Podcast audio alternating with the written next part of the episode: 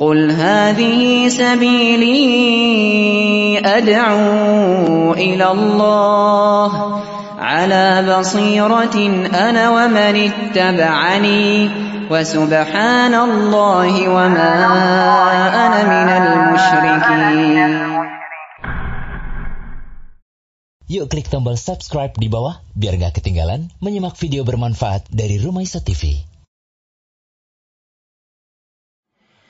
الحمد لله رب العالمين حمدا كثيرا طيبا مباركا فيه كما يحب ربنا ويرضاه وأشهد أن لا إله إلا الله وحده لا شريك له وأشهد أن محمدا عبده ورسوله اللهم صل على نبينا محمد وعلى آله ومن تبعهم بإحسان إلى يوم الدين Allahumma inna nas'aluka ilman nafi'ah wa rizqan wa amalan mutaqabbala. Allahumma anfa'na bima alamtana wa alimna ma yanfa'una wa zidna ilma.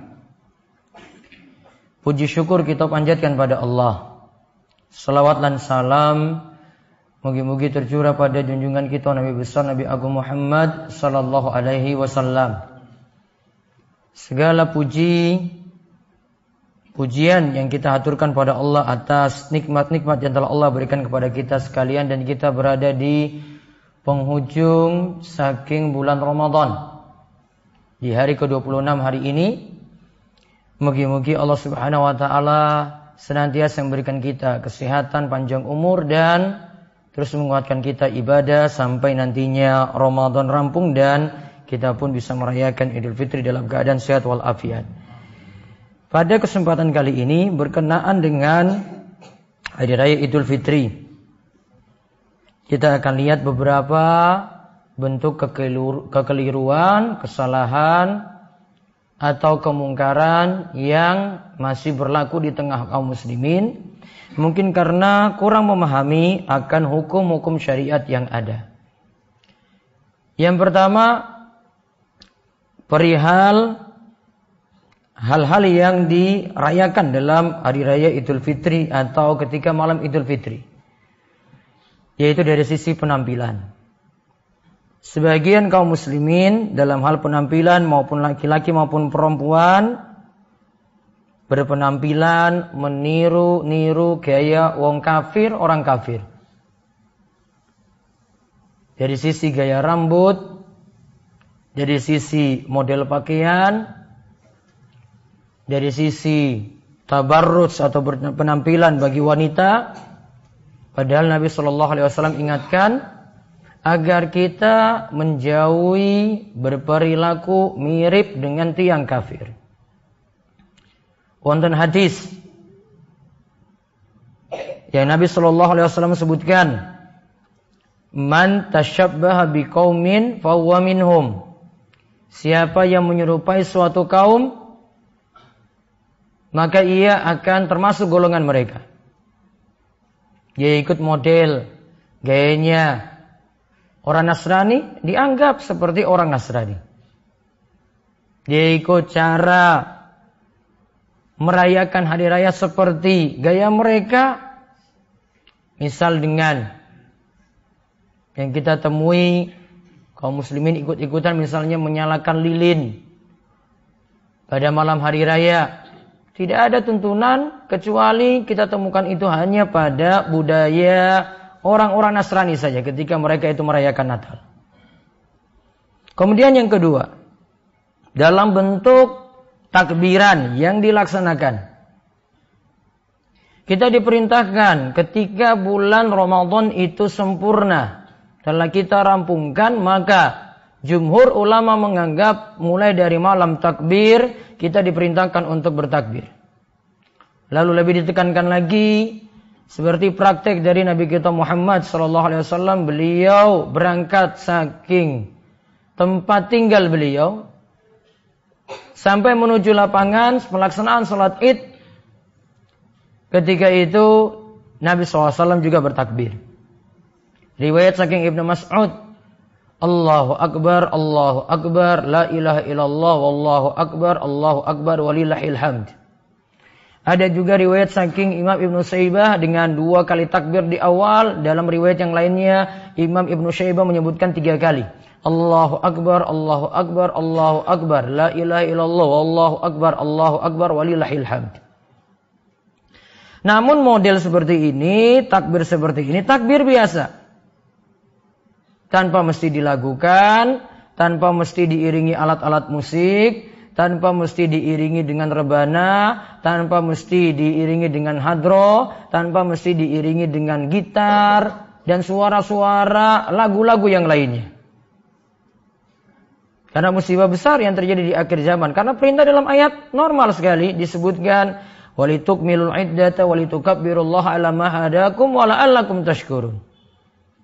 Hendaklah kalian menyempurnakan bulan Ramadan. Kemudian kalian bertakbir kepada Allah. Agungkan Allah dengan takbir. Alamahadakum atas petunjuk yang diberikan kepada kalian. Dan semoga kalian menjadi hamba-hamba Allah yang mau bersyukur. Maka syukurnya ditunjukkan dengan takbir. Namun takbirnya biasa. Takbirnya takbir yang normal. Imam Syafi'i rahimahullah itu menganjurkan Takbirlah ketika maghrib, takbirlah ketika isya, takbirlah ketika subuh, dan di antara waktu yang ada dan ketika kalian itu hendak mau pergi ke lapangan. Dan juga ulama-ulama anjurkan suaranya jahar, dikeraskan. Ya, dikeraskan sini dengan catatan tidak ganggu orang banyak. Tidak mesti keluarkan sound system masjid atau mengeluarkan sewa sendiri sound system, masukkan dalam mobil pick up, kemudian keliling untuk takbir ke mana-mana. Suara ribut. Sederhana sekali yang Nabi SAW itu anjurkan. Maka kita cukup di masjid-masjid menggemakan takbir. Cukup seperti itu. Tidak buat resah, tidak buat rusuh. Tidak menggembar-gemburkannya dengan petasan, dengan mercon. Tidak. Budaya Islam tidak seperti itu. Islam memperhatikan kepentingan antara kaum muslimin dan yang lainnya dengan orang yang berkeyakinan yang lainnya juga tidak ganggu orang. Sederhana yang diajarkan dalam ajaran Nabi kita Muhammad sallallahu alaihi wasallam. Adapun yang ketiga ini kaitannya berias diri bagi wanita. Nanti diingatkan pada istri, pada anak-anak putri, ketika keluar sholat id atau ketika ingin silaturahim, kunjungan ke sedulur-sedulur yang ada, penampilannya biasa. Tidak dengan berhias diri yang menor, tampil dengan lipstik yang tebal, dengan uh, bedak yang tebal. Bukan tampilan seperti ini layaknya cuma dalam rumah saja. Sedangkan ketika keluar rumah, ya tidak dibolehkan untuk tabarruj berpenampilan istimewa yang nanti menggoda yang lainnya. Karena Allah Subhanahu wa taala perintahkan kepada para wanita dalam surat Al-Ahzab ayat 33, "Wa qarna fi buyutikunna wa la tabarrujna tabarrujal jahiliyatil ula." Dan hendaklah wanita itu tinggal di rumahnya Hendaklah kalian itu tetapkan istri kalian itu di rumah. Ya, di wanita tempat terbaik adalah di rumahnya. Dan janganlah kamu yaitu para wanita itu bertabarruj seperti orang-orang jahiliyah yang pertama. Tabarus itu apa? Kata para ulama seperti diterangkan oleh tabarus adalah menampakkan perhiasan dan setiap hal yang dapat mendorong syahwat atau godaan bagi kaum pria. Jadi emasnya, cincinnya, macam-macam ditampakkan begitu mewahnya. Ingin menyombongkan diri pada yang lainnya, enggak. Kita tidak menampakkan seperti itu. Istri-istri tidak dianjurkan seperti itu. Juga di sini memakai pakaian yang mengundang syahwat. Maka sudah harusnya diingatkan oleh kepala keluarga, istrinya nutup aurat, pakai jilbab, pakai gamis yang sempurna, penampilannya yang bagus untuk nutup aurat. Tidak ditampakkan, bukan ketika hari raya tampilannya wah-wahan dengan rambutnya, ya dengan lipstiknya dan yang lain-lain. Di sini diingatkan untuk ya menghindari dandanannya orang-orang jahiliyah, tampilan menor dari orang-orang jahiliyah. Kemudian lagi kemungkaran yang lainnya lagi adalah kita masih belum sadar ketika dengan sedulur-sedulur yang ada padahal itu bukan mahram, kita bebas bersalaman dengan lawan jenis. Itu suatu kemungkaran. Yaitu laki-laki dengan perempuan bebas untuk bersalaman. Padahal Nabi Shallallahu Alaihi Wasallam telah ingatkan Beliau sendiri katakan di antara bentuk zina tangan itu adalah dengan meraba atau dengan menyentuh. Praktek dari kanjeng Nabi Shallallahu Alaihi Wasallam sendiri, beliau katakan inilah usafihun nisaa innama qawli li mi'a imra'ah ka qawli li imra'ah wahidah atau misli qawli li imra'ah wahidah. Sesungguhnya aku tidak akan bersalaman dengan wanita siapa pun itu kecuali bagi istri dan mahramnya. Perkataanku terhadap 100 wanita itu sudah sama dengan perkataanku terhadap satu wanita. Atau seperti perkataanku untuk satu wanita. Maka Nabi SAW itu ajarkan pada kita dengan lawan jenis niku wonten aturan. Bukan bebas. Ya, Islam larang hal-hal yang nanti mengantarkan pada zina. Karena zina itu punya sebab-sebab dulu. Allah katakan wala taqrabu zina innahu kana fahisyatan wa sa'a sabila. Janganlah kalian itu mendekati zina karena zina itu perbuatan fahisyah. Keji. Wa sa'a sabila, sejelek-jeleknya jalan. Me, uh, bersalaman, bersentuhan dengan lawan jenis peluang untuk ke situ, peluang untuk ke zina. Peluang untuk seorang itu selingkuh. Berdua-duaan juga sama. Maka ini diingatkan karena Islam itu menyayangi umatnya biar tidak terjerumus dalam hal yang salah seperti tadi. Terus yang kelima, hal yang keliru lagi dihususkan setelah sholat id di sebagian tempat nganggap kalau ziarah kubur lebih afdol pada waktu tersebut. Pada hari raya Idul Fitri, satu Syawal, kubur-kubur itu pada penuh dengan peziarah. Menganggap kalau saat itu waktu terbaik untuk ziarah kubur. Termasuk juga kalau mau masuki bulan Ramadan. Mungkin kalau diniatkan karena sekarang ini pulang mudik yang bukan masalah. Namun tidak ada istimewanya pada tanggal 1 Syawal pada, Idul Fitri sehingga minta maafnya pada tanggal itu kepada orang yang telah meninggal dunia. Bukan bebas waktunya kapan pun karena Kanjeng Nabi Shallallahu Alaihi Wasallam itu bersabda, "Zurul kubur fa innaha tudzakirukumul akhirah." Lakukanlah ziarah kubur, ziarah kubur laki-laki perempuan bebas di sini. Karena hadisnya umum. Karena ziarah kubur itu lebih mengingatkan kalian itu kepada kematian. Waktunya kapan? Bebas. Ajeng ziarah ya pas tanggal 1 Syawal silakan, penting tidak menganggap istimewa. Wah, atau pas saya luangnya ini saat ini, ya silakan. Di bulan Ramadan juga boleh, nggak ada waktu tertentu. Tidak ada keistimewaannya di bulan Ruwa, tidak ada keistimewaannya tanggal 1 Syawal, nggak ada. Bebas waktu kapan pun. Terus kemungkaran yang lainnya lagi adalah sebagian kaum muslimin terlalu punya euforia besar, yaitu kagum besar, ya berhari raya, berlebihan sampai lalai saking sholat. Ini bahkan ini bukan mulainya pas tanggal 1 syawalnya, pas malam idul fitri itu mulai. Orang sibuk takbiran keliling. Bareng Isa lanjut terus sampai jam rolas. Udah rampung belum melampung. Sampai jam 2 malam. Akhirnya dia kecapean untuk takbir keliling tadi. Dengan sound system besar tadi keliling kampung keliling kota. Akhirnya jam 2 tidur subuh kebablasan. Entah dia sholat subuh itu jam berapa, mungkin dia langsung pergi sholat id, atau mungkin sama sekali juga tidak sholat id. Padahal standar orang itu disebut muslim itu sholat. Perkara sholat. Kata Nabi SAW, Al-ahdu alladhi bainana wa bainahum as-sholat, faman taroka faqad kafar. Perjanjian antara orang muslim dan orang kafir itu mengenai perkara solat. Siapa yang meninggal ke solat maka dia kafir. Standarnya berapa solat? Nabi tidak berikan standar satu solat di sini. Maka umumnya kita katakan satu solat saya sudah kafir. Tidak katakan satu, dua, tiga, enggak. Berarti satu solat sudah dikatakan kafir. Bahaya berarti. Maka sahabat yang mulia Umar bin Khattab pakai standar sholat juga. Dia katakanlah Islam aliman taraka sholat. Umar katakan tidak ada Islam bagi orang yang meninggalkan sholat. Terus di antara lagi kemungkaran pada hari raya adalah begadang semalam suntuk. Ya tadi yang sudah disebut. Padahal menghidupkan malam id itu dengan takbiran itu tidak mesti harus begadang, tidak tidur di malam hari. Enggak. Simpel saja kita itu bertakbir. Sederhana sekali.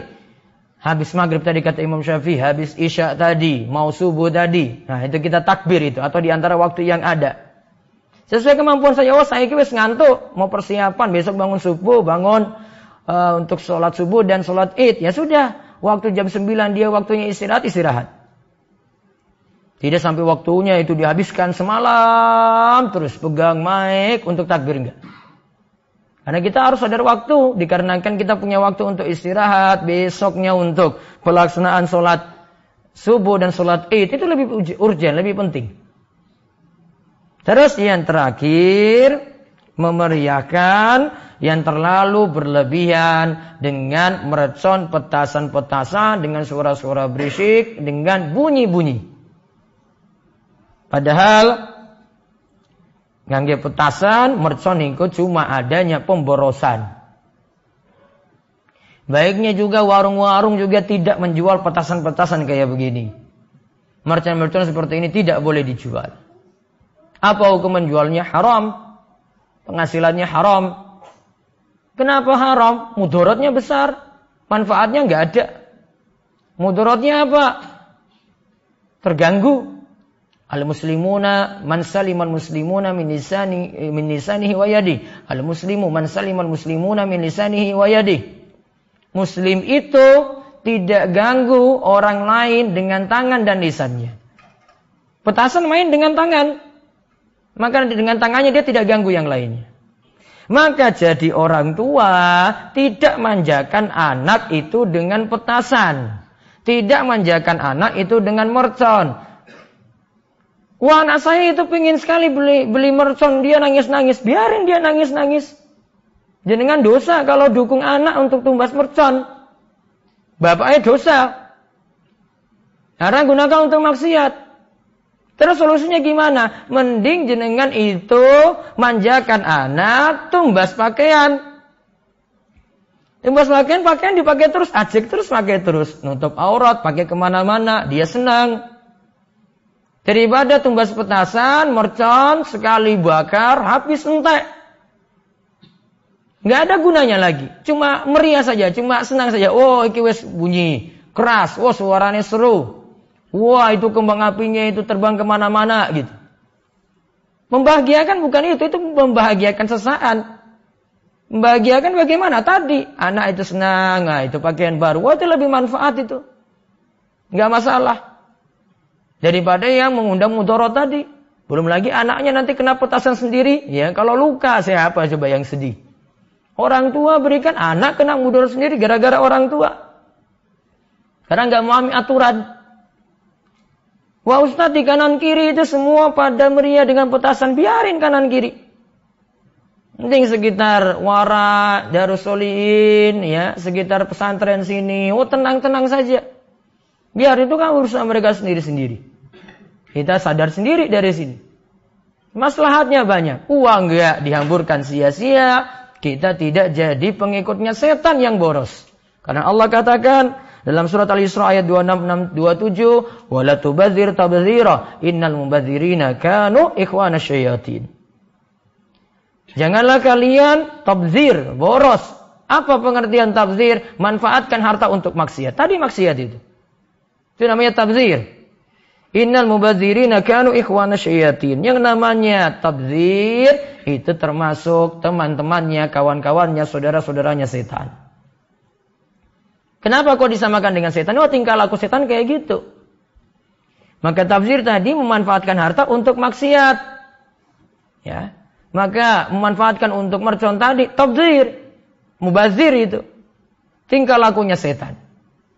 Kita tidak ikuti dan harusnya mulai sadar diri uang yang ada dimanfaatkan untuk hal-hal yang baik-baik saja. Kebutuhan yang penting itu masih banyak. Jadi dengan saat ini musim kering lebih butuh air bersih. Ada sedulur-sedulur yang miskin kanan kiri, ya, tetangga-tetangga yang miskin kanan kiri disantuni. Punya kelebihan rizki, berikan mereka parcel ke, apa ke, senangkan itu. Itu lebih manfaat bahagiakan orang, bukan sengsarakan orang dengan suara bising. Ya, bahagiakan orang tadi dengan ya ada bingkisan, parcel, ada macam-macam. Cari orang-orang yang susah biar mereka bahagia dengan itu. Itu lebih manfaat. Jadi sekarang mulai berubah, Mudah-mudahan Allah memberkahi bulan Ramadan kita dan kita bertambah jadi lebih baik. Yang belum sadar sholat, mugi-mugi diberi petunjuk untuk melaksanakan sholat. Yang belum sadar ibadah, mudah-mudahan Allah menggerakkan hatinya untuk terbuka melaksanakan ibadah. Mudah-mudahan bulan Ramadan menyemangati kita juga untuk sodakoh dan juga tambah jadi lebih baik nantinya ba'da Ramadan. Aku lu qouli hadza wa astaghfirullah li wa muslimin innahu was-sami'ul alim.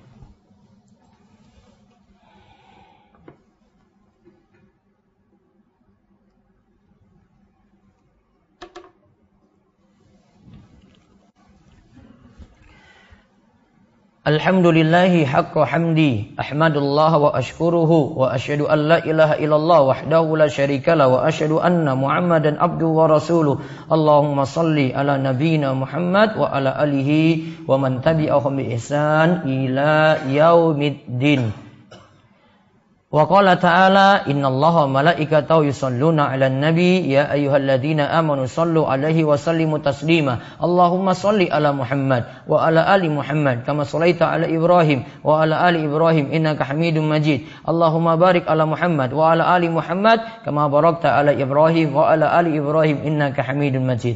Allahumma gfir lil muslimina wal muslimat wal mu'minina wal mu'minat al ahya'i minhum wal amwat innaka sami'un qaribu mujibu da'wah. Allahumma qsim lana min khasyatika ma tahulu bihi baina wa baina ma'asik wa min ta'atika ma tuballighuna bihi jannatak wa min al yaqini ma tuhawinu bihi alaina masaibat dunia Allahumma matina bi asma'ina wa absarina wa quwwatina ma ahyaitana waj'alhu warisa minna waj'al sa'rona ala man zalamana wansurna ala man adana wala ولا تجعل مصيبتنا في ديننا ولا تجعل الدنيا أكبر همنا ولا مبلغ علمنا ولا تسلط علينا من لا يرحمنا ربنا هب لنا من أزواجنا وذريتنا قرة أعين واجعلنا للمتقين إماما اللهم اكفنا بحلالك عن حرامك واغننا بفضلك أمن سواك اللهم إنا نعوذ بك من جهد البلاء ودرك الشقاء وسوء القضاء وشماتة الأعداء ربنا لا تزغ قلوبنا بعد إذ هديتنا هديتنا وهب لنا من لدنك رحمة.